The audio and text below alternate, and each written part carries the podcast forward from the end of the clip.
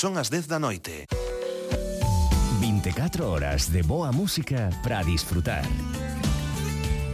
Radio Galega Música. Consellería do Ritmo en Radio Galega Música.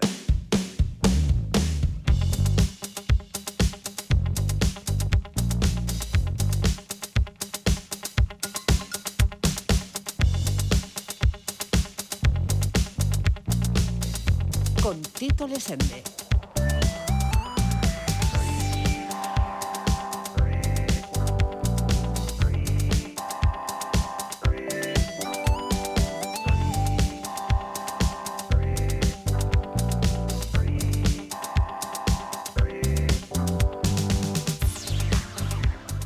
Como está? Son Tito Lesende e este é o capítulo número 16 da Consellería do Ritmo segunda temporada.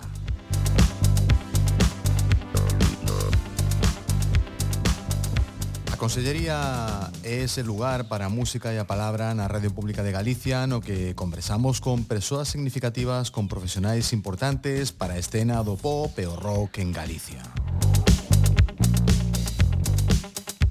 Abrimos esta segunda temporada triunfal con Iván Ferreiro e hoxe ficamos na parte de Vigo para conectar unha vez máis co grande Eladio Santos. Música Eladio é compañeiro de programas aquí na Radio Galega, pero ten unha carreira ben entretida no mundo da música. El é autor, é artista, é técnico de son nesa sala de referencia que é la fábrica de chocolate.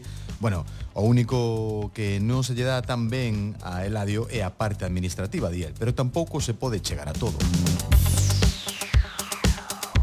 Eladio Santos pertenceu a formacións como Foggy Mental, Breakdown, Brandel Mosca, Medusa, El Odio e los Seres Queridos, despois Eladio e los Seres Queridos, pero bueno, tamén compañero de Tony Lomba nesa asociación tan venturosa na que Tony Lomba fai máis ben de Quixote e Eladio toca o papel de Sancho eh, cando outro canta, por exemplo, España, España, bandera, bandera. Bueno, eh, Radio é un bo tipo, ten moito que contar, pero tamén ten un disco estupendo chamado Academia, que é o máis recente que publicou o pasado ano. Son argumentos abondos para dedicarlle esta hora de radio eh, música. Música e quero che agradecer a túa atención. Agora sí, reláxate canto poidas porque abrimos a porta da Consellería ao señor Eladio Santos.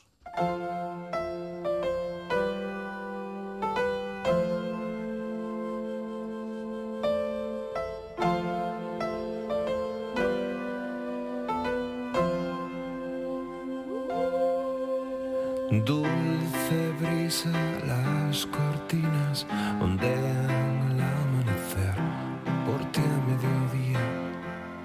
acusaron de brujería, quemé una bandera, calamidades, profecías que nunca se cumplían, quemé una foto, quemé una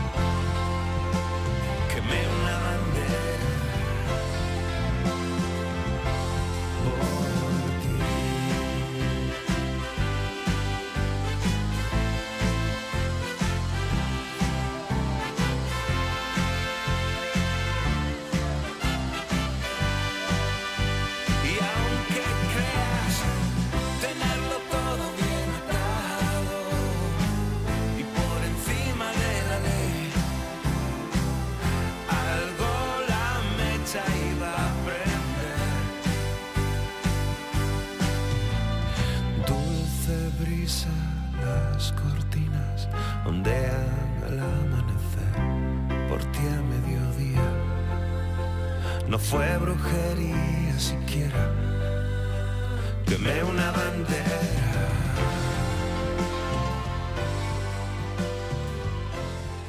No mundo do rock hai proxectos de todo pelo eh, na cultura pop en xeral tamén, non? E hai moitos artistas que practican exercicio de estilo e eh, que se especializan nunha determinada estética musical, non? Pero tamén, eh, bueno, eles poden chegar a, alegrarnos a vida, pero hai outros artistas tamén que se especializan no contido. E hoxe temos aquí un cantautor pop, o señor Eladio Santos. Compañeiro, como estás, Eladio? Que tal, como estás, Tito? Bueno, grazas por atender a convocatoria da Consellería do Ritmo, eh, antes de nada. Grazas a ti. Estaba estaba indignado, dicindo, ainda non me chamou a Consellería do Ritmo. estaba esperando este momento. Bueno. Eh, a eh, verdade é que, empezando por o nome que mola mogollón, pois eh, escutei algunhas cousas, está moi ben, bueno, é un placer, bueno, un verdadeiro placer. Moitas grazas, Eladio. Eladio, que é home de música, é autor, eh, artista, eh, técnico de son tamén, tamén compañeiro na Radio Pública de Galicia con ese programa chamado Ondas Indies. Eh, apetecíame moito falar contigo eh, seriamente, non? Porque, claro, hai ano e medio que saiu o vosso último disco, eh, de Eladio e los seres queridos, Academia, dende o primeiro momento pensei que probablemente sería para min o vosso traballo máis máis completo, pero claro, coincidiu xusto a semana do confinamento, non? Se non me equivoco, non? Eh, claro, a puntería foi tremenda aí. Consellería do Ritmo en Radio Galega Música.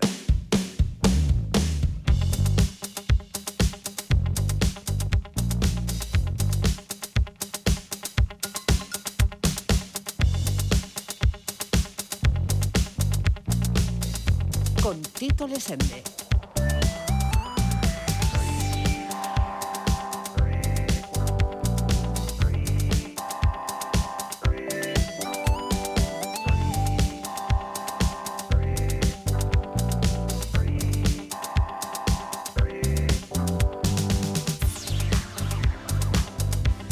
Ola, como está? Son Tito Lesende e aquí chegamos ao terceiro capítulo da segunda temporada da Consellería do Ritmo.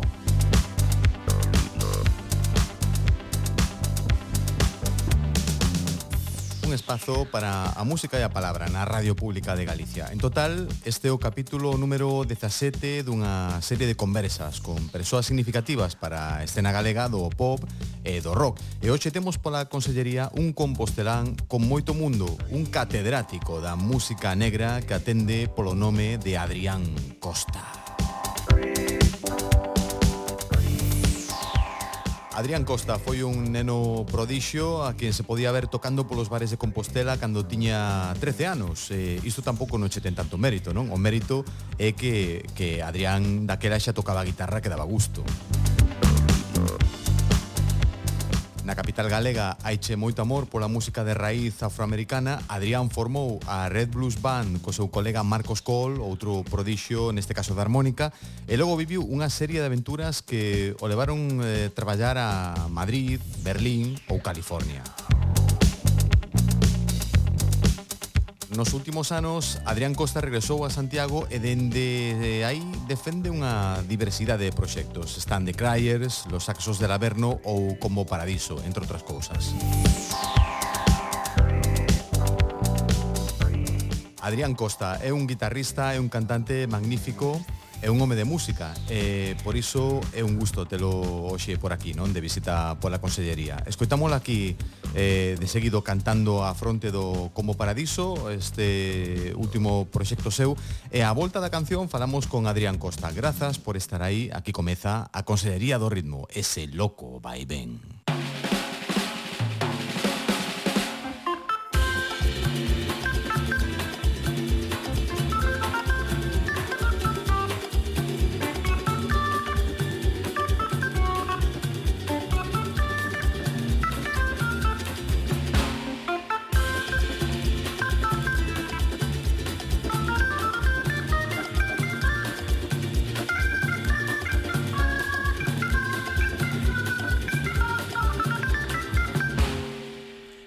traes muy loco con tu vaivén. Marea alta, marea baja, ya no sé qué hacer.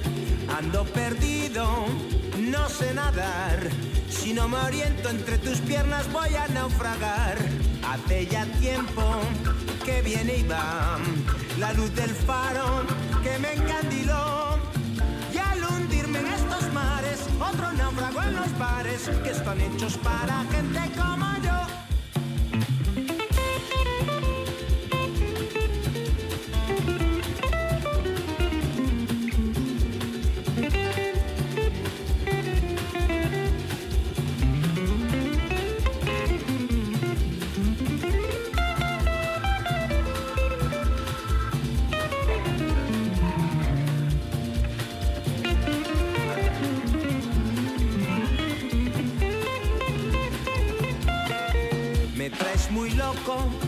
con tanta ola. Luna de plata en tus orillas me voy a perder. Remo confuso con tanto viento. Tantas sirenas, tantas bahías con que soñé. Pero hace tiempo vivo amarrado. Tu luz el faro que me enamoró. Y al hundirme en estos mares, otro náufrago en los bares que están hechos para gente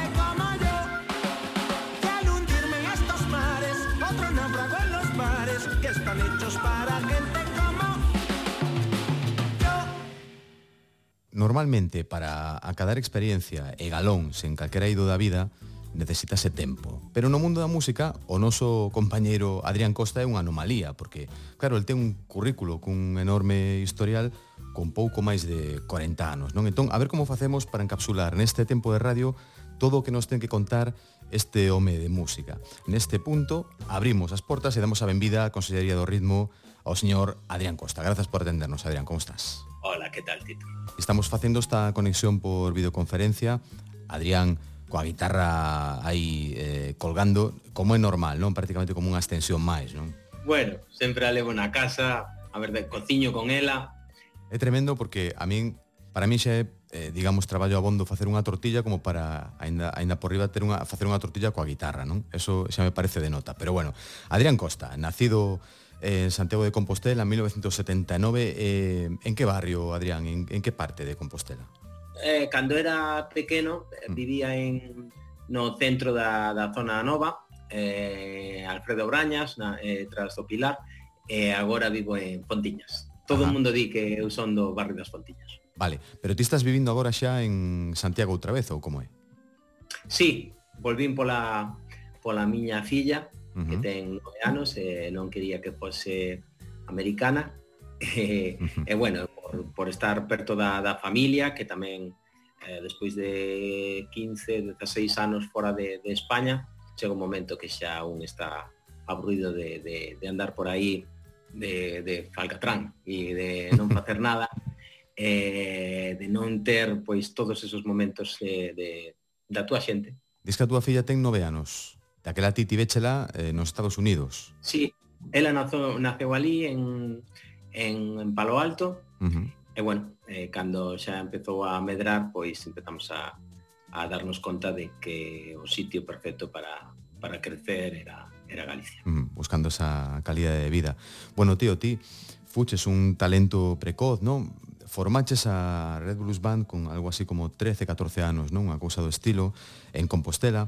E claro, isto ten moita amiga, non? Porque ti tocabas, por exemplo, nos bares da, da cidade, cando, pa, pa, para facernos unha idea de como era ese contraste, cando aínda se fumaba nos bares, non? Por exemplo, tiras un cativo e tocabas aí eh, nos, nos bares. Como empezaches? Que, que lembras ti daquela época?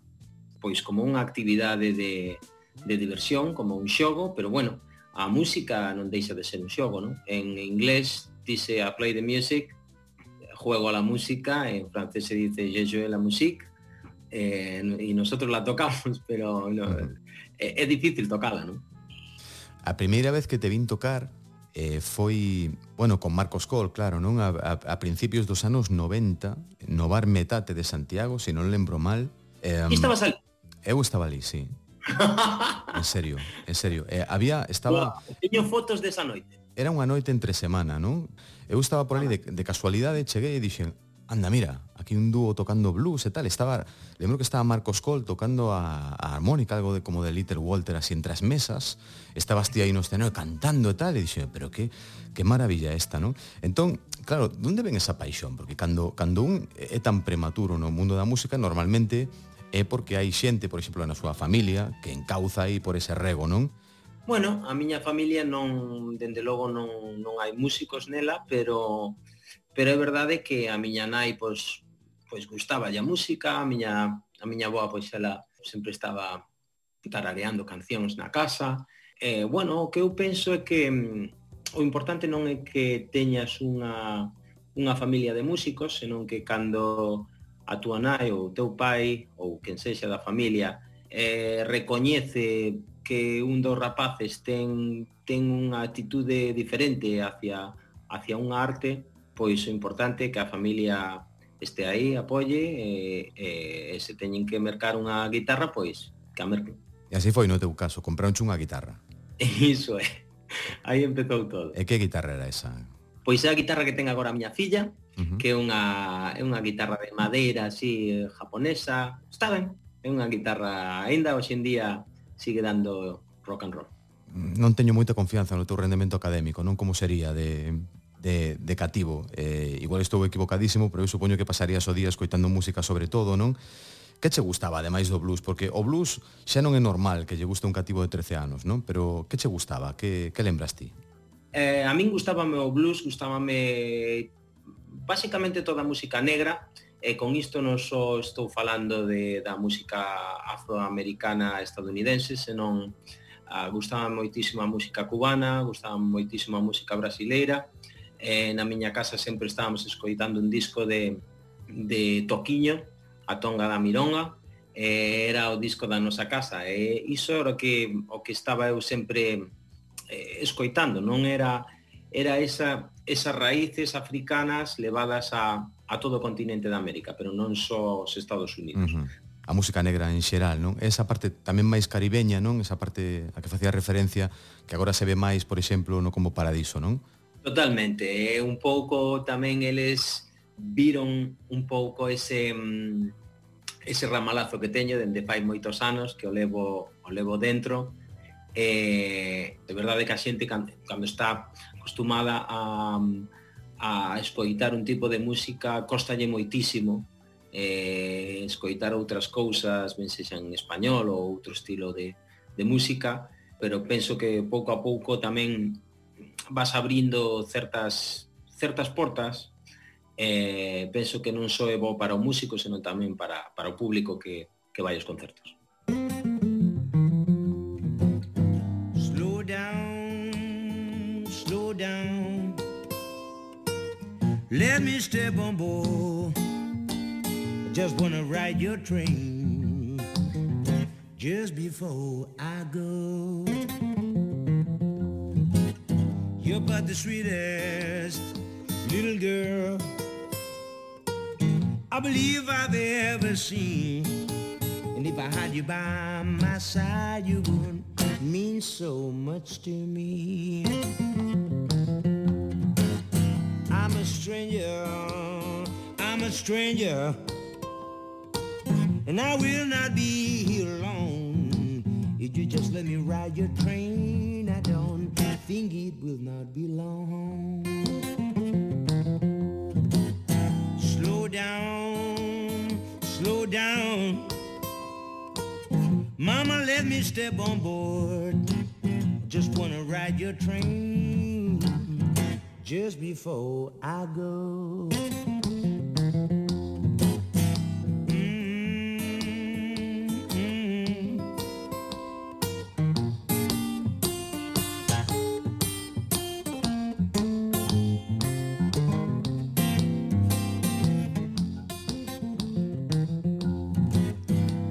The sweetest little girl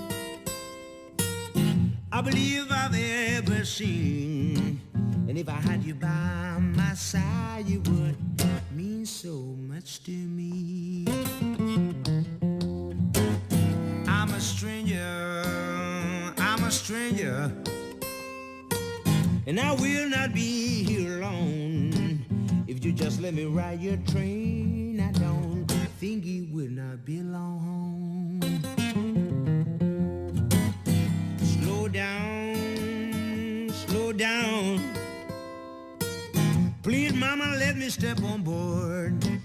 I just wanna ride your train just before I go. A finais dos anos 90 terías ti, supoño que 19 ou 20 anos, eh, máis ou menos cando marchaches con Marcos Cola a Madrid, non? Eh, ali fixeches esa, esa conexión, ese contacto con Tonki de la Peña, non? Un histórico do, do blues, madrileño, do blues en xeral, non? Eh, e aquí non foi unha aventura, claro, porque tías moi novo, eh, onde vivías ti e como vivías? Porque supoño que non había moitos cartos aínda, non? Non, non había, pasamos penurias, pero pero bueno, eh, supoño que se queres algo, pois ás veces non, non son camiños fáciles, pero eh, Tonki eh, Tonki estaba de xira porque Marcos eh, Marcos marchara a Madrid moitísimo moito antes que a min un ano antes uh -huh. eh, estaban de xira por Galicia eu estaba acompañándonos entón ás veces pois no camerino no, no, na furgoneta de viaxe no hotel tocaba a guitarra e Tonki costaballe creer, eh, creer que mm, que un rapaz pois de 16 anos estivese falando de Sunnyland Slim, eh, non, eh, Tonki non tiña non tiña presuposto para para ter a outro a outro guitarrista. Uh -huh. Pero quería que estivese na banda. Entón meteume primeiro de batería, estuve dous anos estuve dous anos de batería na banda. E despois eh, contratou outro batería e eh, puxo eh, en, eh, pasei, non sei se foron oito meses ou así, ou casi un ano, o baixo. Uh -huh. E despois ao final de todo contratoume como guitarrista e penso que fo, foron os dous millores anos que tivemos na banda. Hai un par de décadas lembro verte tocando en salas coa Tonky Blues Band e tamén acompañando a Buddy Miles, que é un baterista lendario de Jimi Hendrix ou a Mick Taylor, que é un histórico do blues rock británico, non? Un guitarrista dos mellores anos dos, dos Rolling Stones. Eh, teño discos asinados por Mick Taylor, despois de algún concerto que fixo na Sala Mardi Gras, da Coruña, pero claro, eu penso que este tipo de figuras ás veces veñen, digamos, con nervio xusto, non? Para, para bueno, para, para facer o seu, para poñer aí en valor o seu talento, o seu historial, pero quen fai o traballo realmente é a banda, non? A banda de acompañamento que é a que ten que poñer o lume, non? Para que ese tipo brille, non? Eh, como, como foi eh, para ti tocar con aquelas lendas da, da música, non? Porque como fai un, un, un tipo aí, un compostelán, non? Como, como como tantos, para non facer ese pequeno así diante dun Rolling Stone? Bueno, a verdade é que Mick ensinoume que um, o millor é, é, é fácil caer no, no non copiar, pero máis ou menos levar as cousas por lo camiño pois de Timon Walker ou polo camiño de B.B. King ou de Albert King ou de pero mi que ensinome que a voz máis importante é a, é a que máis vale a túa mesma. E cando tes 20, 19, 20 anos é eh, unha gran lección. Hai 20 anos máis ou menos cando, que, que é a época da que estamos a falar. Mictelo andaba quizáis algo máis disperso, E dende aquela despois volveu a tocar en grandes escenarios co Rolling Stones como convidado especial dos Rolling Stones e todo iso. Eu teño a, a seguridade de que el te viu tocar eh, ti picáchelo, el volveu, tivo que volver, sabes?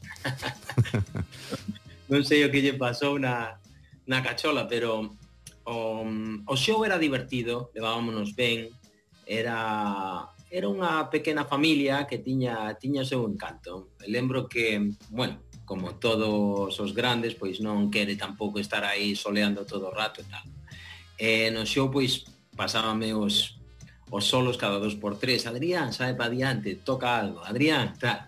E lembro que o que facía a mí era que tiña uns cacahuetes. Eu son bo collendo as cousas caboca, polo aire. Tiña cacahuetes na, na, na chaqueta, e despois do solo xa estaba voltando para atrás, eh, perto do batería, el sacaba un cacahuete e tiraba, eh, eu collía, non? E así terminaba. E pa dentro, sí. e, e, o show pa, non paraba, claro, o show seguía.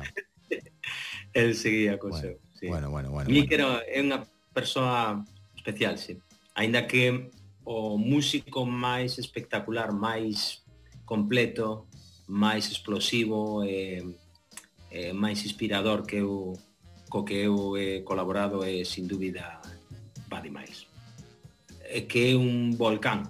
Uh -huh. É un tipo que colle o que sexa, é mira que hai hai moitos guitarristas que intentan sonar como a Jimi Hendrix, antes que estábamos a falar do da voz de cada un, ¿no? Jimmy encontrou a súa voz uh -huh. eh, por iso todo o mundo a copia, ¿no? Porque era a súa, e únicamente súa.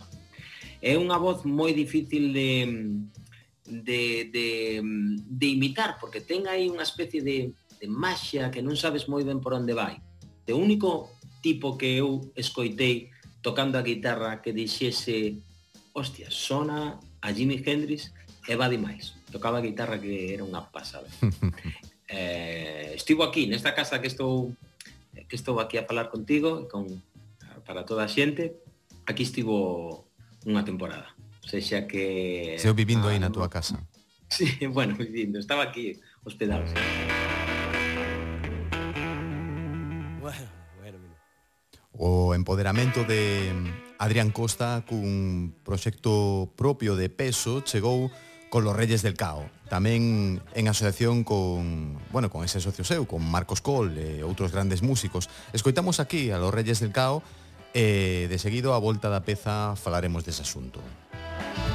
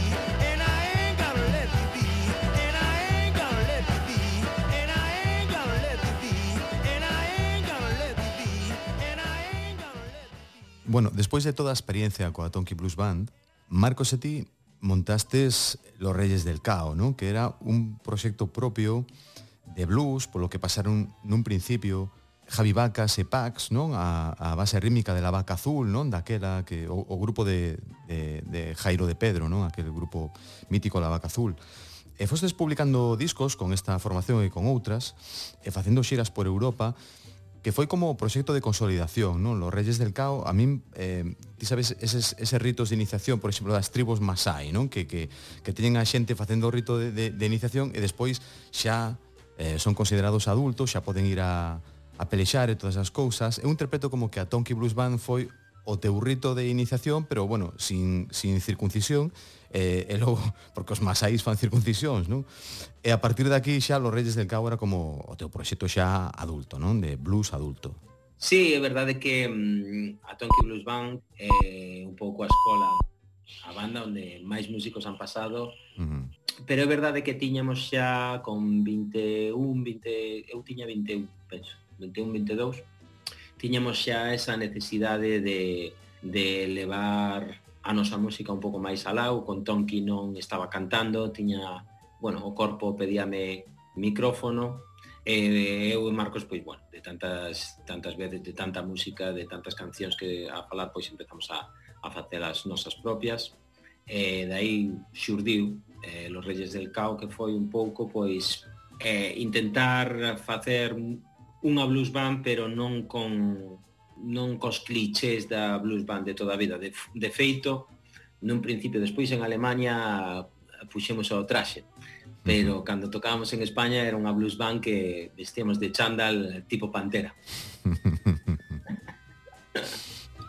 é certo foi, foi aquel momento dos, dos grupos que vestían, os grupos de metal que vestían Adidas, non? Que andaban sempre...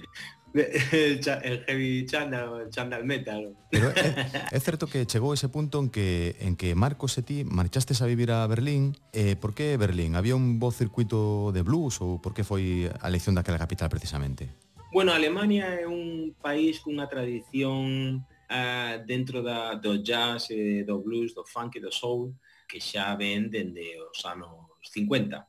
Se vas ás veces ás festas de, de, de pueblo, mentras aquí estamos co, co mm, venao e tal, daquela, era cando se tocaba o venao, Uh -huh. eh, mm, ali seguían facendo rock and roll. Uh -huh. É un pouco Chuck Berry, Little Richard, é un pouco a, a música que se escutaba en, en Alemania. Alemania, a música popular alemana é un pouco aburrida porque vai sempre a terra. Sempre uh -huh. está pum, ti, tupú, e que tal, sona como a un pouco militar.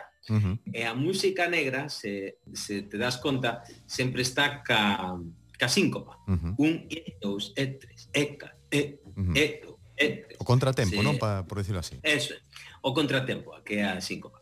Se estás a, a escoitar música na discoteca, o contratempo está aí todo o rato, porque iso que necesito para bailar eh, por exemplo, o reggae,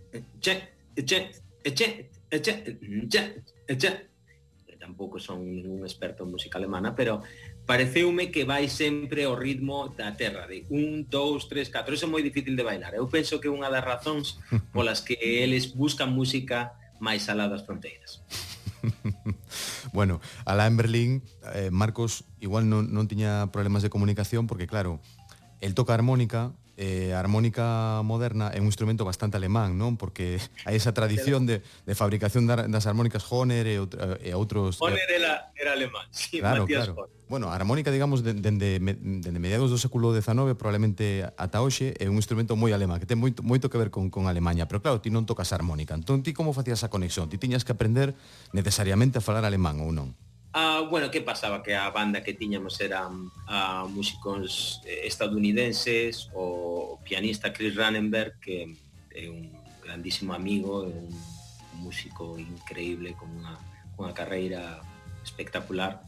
Eh, foi un pouco a persoa que nos que, que puxonos en, na escena de, de toda Alemanha. Cando empezamos, o idioma era o inglés.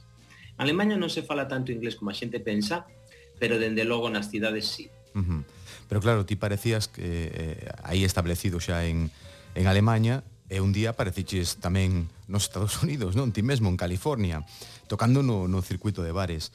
Penso que aí debe de ser a túa separación con Marcos Kohl, non? Porque el quedou en Berlín, non?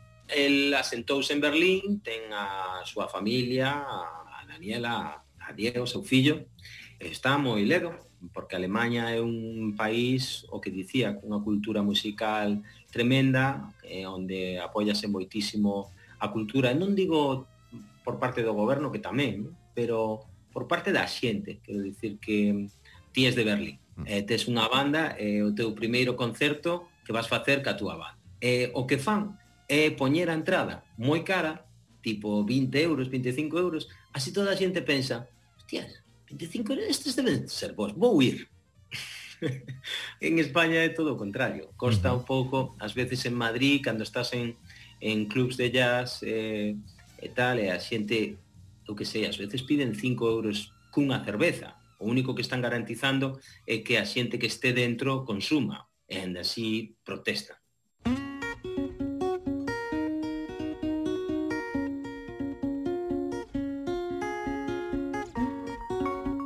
Consellería do Ritmo, unha serie de charlas sobre a música pop, con Tito Lesende. Ouvalo, intentalo, voume mergullar. En California ti tocaches, non estaba Marcos, pero tocaches con outros músicos de alto nivel, con outros armonicistas tamén, como eh, Mark Hamill, non? Por exemplo, que desa segunda xeración de grandes armonicistas de blues, eh, tamén co cantante e compositor, non? E Thomas, un tipo de, de, de gran valía. Son xente que ten, que ten Grammys, que teñen moito moito prestixio, non? Ali estabas compartindo o escenario con eles de maneira regular. Ti xa tocaras mm, con Billy Boy Arnold, pero penso que fora antes, antes de todo iso, non? Fora en Europa. Certo. Eh, graváramos o, o, un disco que, produ, que produxo eh, Chris Rannenberg, que mm, é tributo a un pianista, eh, Walter Davis, que é un pianista dos anos 40, que ten unha sonoridade moi peculiar, unhos baixos moi diferentes e unhas letras tamén moi picantes e moi graciosas. Hmm. e, Eh, fixemos o disco en Alemanha con, bueno, estou con Billy Boy Arnold, pero hai moitísimos outros bluseros como a mm, Johnny Boy Edwards que morreu fai non moito con penso que tiña 101 anos, eh, falo de músicos que que tocaron con Robert Johnson. Claro. Non son que tocaron con Robert Johnson. Claro. O sea, que cando din que vendeu a, o alma ao diablo, pois bueno, esta xente pode che comentar que son todo lendas, non? Pero um, o estar con Chris, estar con Billy Boy, a verdade é que cando cheguei a Estados Unidos, eh, uh, xusto sacouse ese disco, Chris levou premios con ese disco e tal, uh eh, -huh. e, e a xente dicía, ostras, pero aquí está o Adrián, este, este é o que anda tocando por aquí, por, por la Bahía de San Francisco e tal. Eh, Mark Hammer levoume de, de, de guitarrista unha boa temporada e tamén levoume de batería un par de meses. sí, Como mola. Porque un día John, John Cor, o, o, o batería de toda a vida, que está con Charlie Musselwhite, non, non sei que, que pasara e tal, non podía acudir ao concerto, ao final fixen eu e seguirme chamando de batería, o sea que, uh -huh. bueno. A parte, a parte mitómana tela cuberta xa, non? A xente que a xente que lle gusta o blues, porque hai xente que seguro está escoitando esta conversa e non é especialmente afeccionada ao blues, aínda que aínda que está aquí cómoda con nós, non? Pero hai outra xente que seguro que é afeccionada ao blues entenderá, non, o valor disto do que estamos do que estamos a falar, non? De ese Billy Boy Arnold que é un tipo eh, tamén eh, criado, digamos, eh, aos peitos de Sonny Boy Williams ou non? Un tipo super importante, ten, debe, debe de andar agora polos 90 anos, non? Probablemente eh Sí, está estupendo, eh? Mm. Coidase moito, mm, é un tipo tipo interesante. Claro. Eh, eh é o que distí, é, eh, é a xeración que que viña de do sur, non? Uh -huh. Chegaban de, de Mississippi, de Alabama, de de Louisiana, eh, foron subindo, non? Eh, moitos paraban en Memphis, que por iso que claro. que hai moitísimos discos de, de blues en Memphis, pero a maioría pois eh, chegaba ata Chicago, que era onde nun principio i, i, ian buscar eh, traballo. Claro, estamos falando da, da base de, de, do negocio da música afroamericana e, polo tanto, de gran parte da industria musical actual, non? Totalmente, porque mm, a industria discográfica en Chicago, o mellor, non é o, o epicentro, -huh. pero un pouquiño máis alá en Detroit, que era exactamente a mesma comunidade, a mesma xente, pero cunha escena moito máis jazzera que blusera. Claro, e tes abaixo, na parte abaixo do, do Triángulo, tes tamén Nashville, eh, con toda esa esencia o corazón da música norteamericana o country, non? Eh, tamén se fan unhas interseccións que prácticamente teñen moito que ver na raíz de, de gran parte da música que hoxe consumimos dentro da escena pop e da escena rock, non? Pero bueno, ti estabas ali todo este tempo vivindo en California, eh, que aprendiches aí? Porque eu supoño que sería un periplo moi agradecido, pero tamén de moito moito traballo, non? Hai moitísimos músicos eh, hai moitísimos bons, hai moitísimos malos tamén. Hai moitísimos. Eso é a gran diferencia con Europa, non? que hai músicos en, en todas as esquinas. Hai un sitio que gustame moitísimo, que se chama Cheeseboard, en Berkeley. Uh -huh. É unha pizzería. A, a xente pode coller unha pizza, pero casi todo casi toda a xente vai por unha porción. Ese tipo de pizzas. Teñen concertos de 11 a 3, de 4 a 8 e de 9 a 1 todos os músicos de jazz, os músicos de blues e tal, sempre estamos ali porque, bueno, o primeiro, non pagan mal, o segundo, levas dúas pizzas para casa, que están buenísimas. o, o, o terceiro, podes ir de, de 11 a 3 ou de 4 a 8, o, o, o que permite que ás 9 podas facer o concerto que xa tiñas programado pola noite, non? Podes facer dous concertos o día que ao final en Estados Unidos, fíxate, son 8 horas no escenario o millor estás ali no chessboard e aparece Taj Mahal cunha guitarra. Ali, tomando unha pizza, uh -huh. está Taj Mahal cunha guitarra, porque el vive en Berkeley, a moita xente non, non o conocerá porque estamos falando de música de minorías. Pero dentro da música negra, Taj Mahal é unha persoa moi importante. Está ali e non está é outro rollo, non está con eh, defendendo unha posición, entendes o que che quero dicir? non é iso, é simplemente apetecelle, a banda sona ben, gustalle, ten a guitarra no coche, colle a guitarra, tomes unha pizza, unha cerveza, está ali, máis sinxelo todo. Eh, non hai tanto postureo e hai máis música.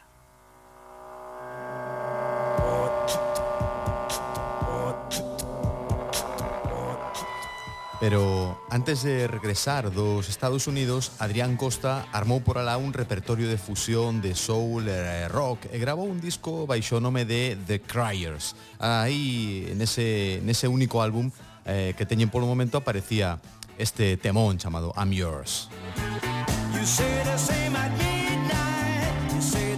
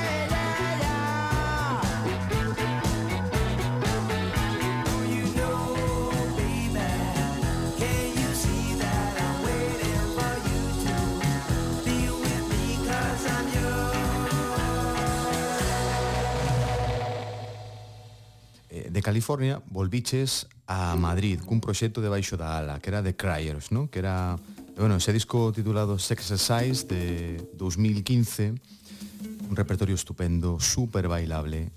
Ainda tes a portada do disco de The Cryers no teu perfil de WhatsApp, disco importante, pero eh, eu penso que ese proxecto non tivo o eco que merecía.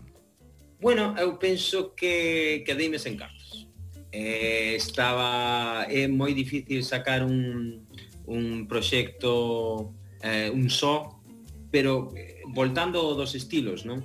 Eu eh, detesto o, o blues e o rock, porque son dous actitudes diferentes, non? Son dous actitudes, un tócase como violento, e o blues é todo o contrario, é como se, se intentas mover a melena eh, cantando reggae. A música non permite como se queres leer a, a Lorca a gritos, non queda ben. É dicir, ti, eh, ti, ti, non, ti non aturas, por exemplo, a Gary Moore? Non, respeto moitísimo porque era un grandísimo músico, un guitarrista impresionante, teño amigos en común e toda, men, a toda a xente fala maravillas de, de él, pero pero non, a súa música eu non aí eu non cociño. As guitarras distorsionadas en blues a mí non me pega, pero non me pegan en blues, non me pegan en fado, non me pegan en reggae, non me pegan en moitísimos outros estilos. O sea, quero dicir, non me gusta. Sen embargo, a isto iba, para min o soul e o rock é unha mezcla maravillosa. É o, é o concepto que eu tiña con, con The Cryos. De feito, teño catro novos temas que estou grabando, que isto non o sabe ninguén. Estou aquí comentando contigo, pero isto sabe a miña a miña moza e, bueno, catro colegas máis. Pero um, fixen catro novos temas e quería volver a retomar os crayos porque o corpo sigue me pedindo un pouco de, de rock, non rock and roll, que é o que toco sempre con cas bandas de blues, tocase tamén rock and roll. Digo rock, rock.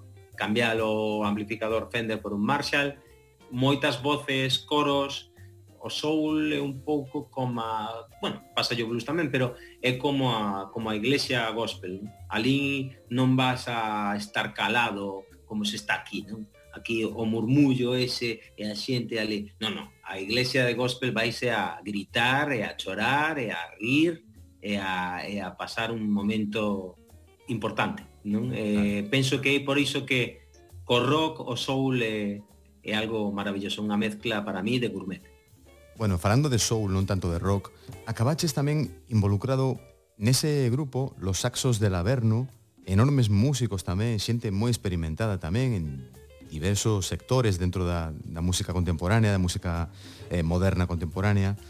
Eh, eu vinte tocando con Los Saxos del Averno na Alameda de Hércules en Sevilla, no Festival Monkey Week. Eh, penso que, bueno, ah, fue... sí, estivemos ali. Sí. E nunca saúdas. No, bueno, porque son unha persoa discreta, pero estou unas cousas, non? Eh, e lembro que nese concerto houbo cortes de enerxía, eh, que marchou o son da PA, e eh, claro, como solventastes vos? Pois eh, os metais baixaron e eh, tocaban entre o público, ti estabas arriba, eh, no centro, con ese supertón de guitarra, con esa voz aí eh, liderando, e dixen, oh, mira Adrián, que presenza ten xa o tío, que escola, non? Ao longo dos anos, como, como, como foi medrando, E, e bueno, e agora que podemos esperar de los Saxos del Averno? Porque ese proxecto segue activo tamén ou que? Sí, sí, estivemos a traballar en verán, Dani Niño, o eh, saxo barítono, eh, Xavi Ontoria, o, o teclista, Hammond Organ, e son os que levan un pouco a batuta, pero pero bueno, aí estamos todos, é unha, é unha pequena familia, eh, cun estilo diferente, dende logo, para todos e cada un dos componentes da, da banda e iso é o, o rico que ten, non? que cando xuntámonos eh, pasan cousas diferentes eh, eh, un pouco, sí, non había de escape a mm. verdade é que é difícil de catalogar esa banda pero dende logo todos os músicos ah, son de jazz e, e por iso queren un, un cantante como a min que entre dentro da música soul e que cante ese.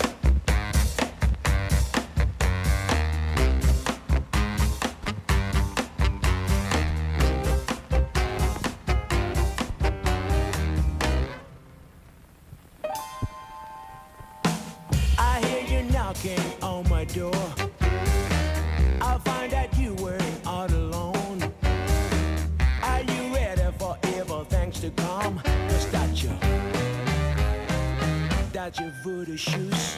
You crack me down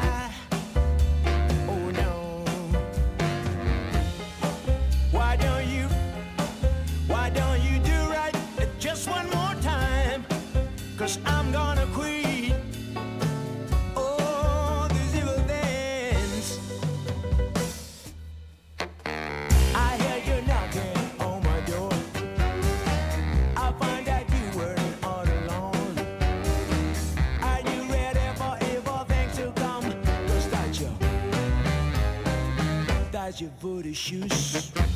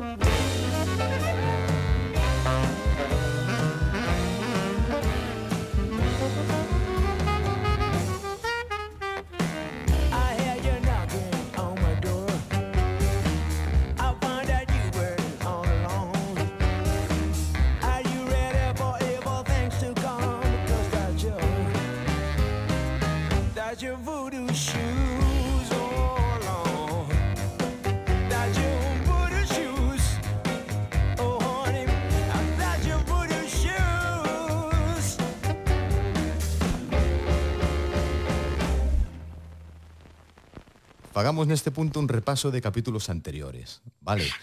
Adrián Costa, Red Blues Band, con 13 anos, en Santiago de Compostela. Donkey Blues Band, Madrid. Acompáñate de Buddy Miles de Mick Taylor. Los Reyes del Cao, con Marcos Cole, con grandes músicos. Berlín, California. Adrián Costa Blues Band, The Cryers, Los Saxos del Averno e Combo Paradiso. Estou deixando cousas fora ou non? Seguramente bueno, sí. claro, pois músicos cos que he traballado sin que fosen a miña banda, no? Mm. Xente como a, como a Langui, que estive tres anos con el, e, e bueno, pues, moitos outros músicos con mellor non son tan famosos como Langui, pero que tamén enca a min encántame estar aí ao lado do batería, facendo as guitarras rítmicas, acompañando, creando músicas paralelas a, a voz, a, ao que fago pianista, encántame estar aí atrás non ser eu o líder, se me toca, eu son o típico jefe que, bueno, que son jefe porque tocou, pero se eu poidese elixir, non sería. Uh eh, -huh. non sería líder, se eu poides estar aí atrás, pero bueno, gustame tamén estar diante, e bueno, é un pouco o que pasa con Combo Paradiso, non? Que somos catro músicos que estamos sempre diante. Os catro músicos defendemos os nosos as nosas bandas cos nosos nomes. Eh, claro, cando cando xuntámonos é diferente porque todos temos que escoitar o de al lado, eh, ninguén pode dicir, non, isto imos facelo así, non, non. É un lío porque como somos catro, non, non podemos ser democráticos, porque son dous e dous.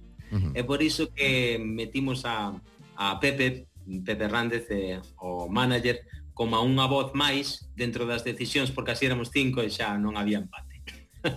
Estupendo. Bueno, como Paradiso, para poñer a xente en contexto, por se si a xente non coñece, eh, eh, eh, como Paradiso eh, digamos, a crema, non? Aí está Julián Maeso, está Juan Celada, está Alberto Anaut, está Adrián Costa, que, bueno, todos sodes músicos moi versátiles, eh, eh, líderes de proxectos propios, eh, e por primeira vez, ademais, aquí, decidides entre todos usar máis o, o castelán como lingua de, de expresión artística. E ti como te, como te sentes así neste proxecto en xeral? Bueno, de feito, eu penso que era o que máis eh, acostumado estaba a, a cantar en español, porque eu levaba cantando en español unha cousa son os discos e tal, pero as reunións familiares, as festas, as tal, eu sempre cantei cancións en español, eu toquei dos 15 aos 17 estive nun, nunha orquesta de Galicia, normal, uh -huh. cantando el torito e e Kiko Veneno. Uh -huh. E xa viña con un pouco máis de experiencia. Eles estaban tamén un pouco arrancando aí o tema do español eh, e a idea foi un pouco cambiar o estilo, cambiar a, o que o que acostumamos a facer pois precisamente para, para iso, non? xa que nos xuntamos que sea para, para facer algo algo diferente, para, para facer a música o soul, o funky, o pseudo jazz que tocamos nós, para iso xa o facemos cas nosas bandas. Uh -huh é un gustazo ver a como Paradiso tamén en concertos en, en concerto vimos montar parte dese repertorio no Náutico de San Vicente aí eh, chegados a este punto sabes que as lendas do rock son tremendas non? Eh, bueno, hai quen di que ao longo de, de todos estes anos ti viviches o rock and roll sempre moito como unha festa non? tamén é que é que, bueno, que houve un momento nos que chegaba a noite e ti sempre andabas cosí por diante, non? Fose o que fose, non?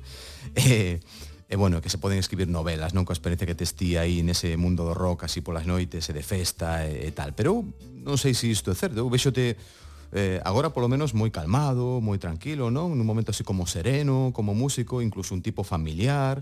Eh, como, como ves ti todo isto? Home, eh, 20 anos non son 40, pero mm, cando era un, un cativo eh, pasaba os días eh, na rúa todo o tempo e eh, marchaba da casa eh, despois de comer e non voltaba ata as 12 ou así, con 13, 14, gustábame estar por aí ca xente e iso sígueme pasando hoxe en día, pero pero é verdade que a música obligache a, a, a ter que estar pensando cousas, ter que estar traballando en casa, eh, non deixa tampouco tanto tempo como a xente pensa no sentido que estás en diferentes proxectos, estás eh, con diferentes ideas e aínda así tes novas ideas e o tempo nunca chega a nada e, e cando estás nesa, nese ritmo de vida a, a festa por suposto que pasa a segundo tempo bueno, é moita vida, eh, de todas maneiras, para un tipo de 41 anos, non? Que de ti podense decir moitas cousas, pero que desaproveitaras o tempo seguramente non. bueno, gustaríame aproveitalo máis. A min sempre me queda, bueno, sempre penso que gustaríame sacar, facer máis, máis cancións, facer gravar máis discos, colaborar con máis xente. Iso é o único que realmente son un junkie. bueno, Espero verte así, Adrián. A verdade que foi un gusto conversar contigo, neste caso foi por videoconferencia, espero que axiña podamos ter a oportunidade en persoa, pero bueno, espero que ti estiveras eh, a gusto tamén. Eh, cando non nos damos conta, estaremos por aí brindando nos bares e falando de música nos bares, que normalmente onde se fala de música, aparte de consumir. Totalmente. É aí onde saen as cancións, é aí onde se tocan, é aí onde se baila, e, e os bares son o, o o epicentro de todo o jaleo cultural que, pode, que poidas atopar eh, nas cidades. Por iso penso que, que é momento agora que xa podemos ir, eh, sair da casa con unha certa normalidade, non? Eh, penso que todos os bares que han sufrido eh, precisan dun, dun apoio. Eh, mira, a cultura é unha boa maneira de, de facer que eles tamén saian un pouquiño do buraco. Bueno, moitas grazas, Adrián, por visitar esta consellería do ritmo. Mando unha aperta moi forte, amigo. Gracísimas, eh, un placer, de verdad. Pasei un rato estupendo. Gracias, Tito.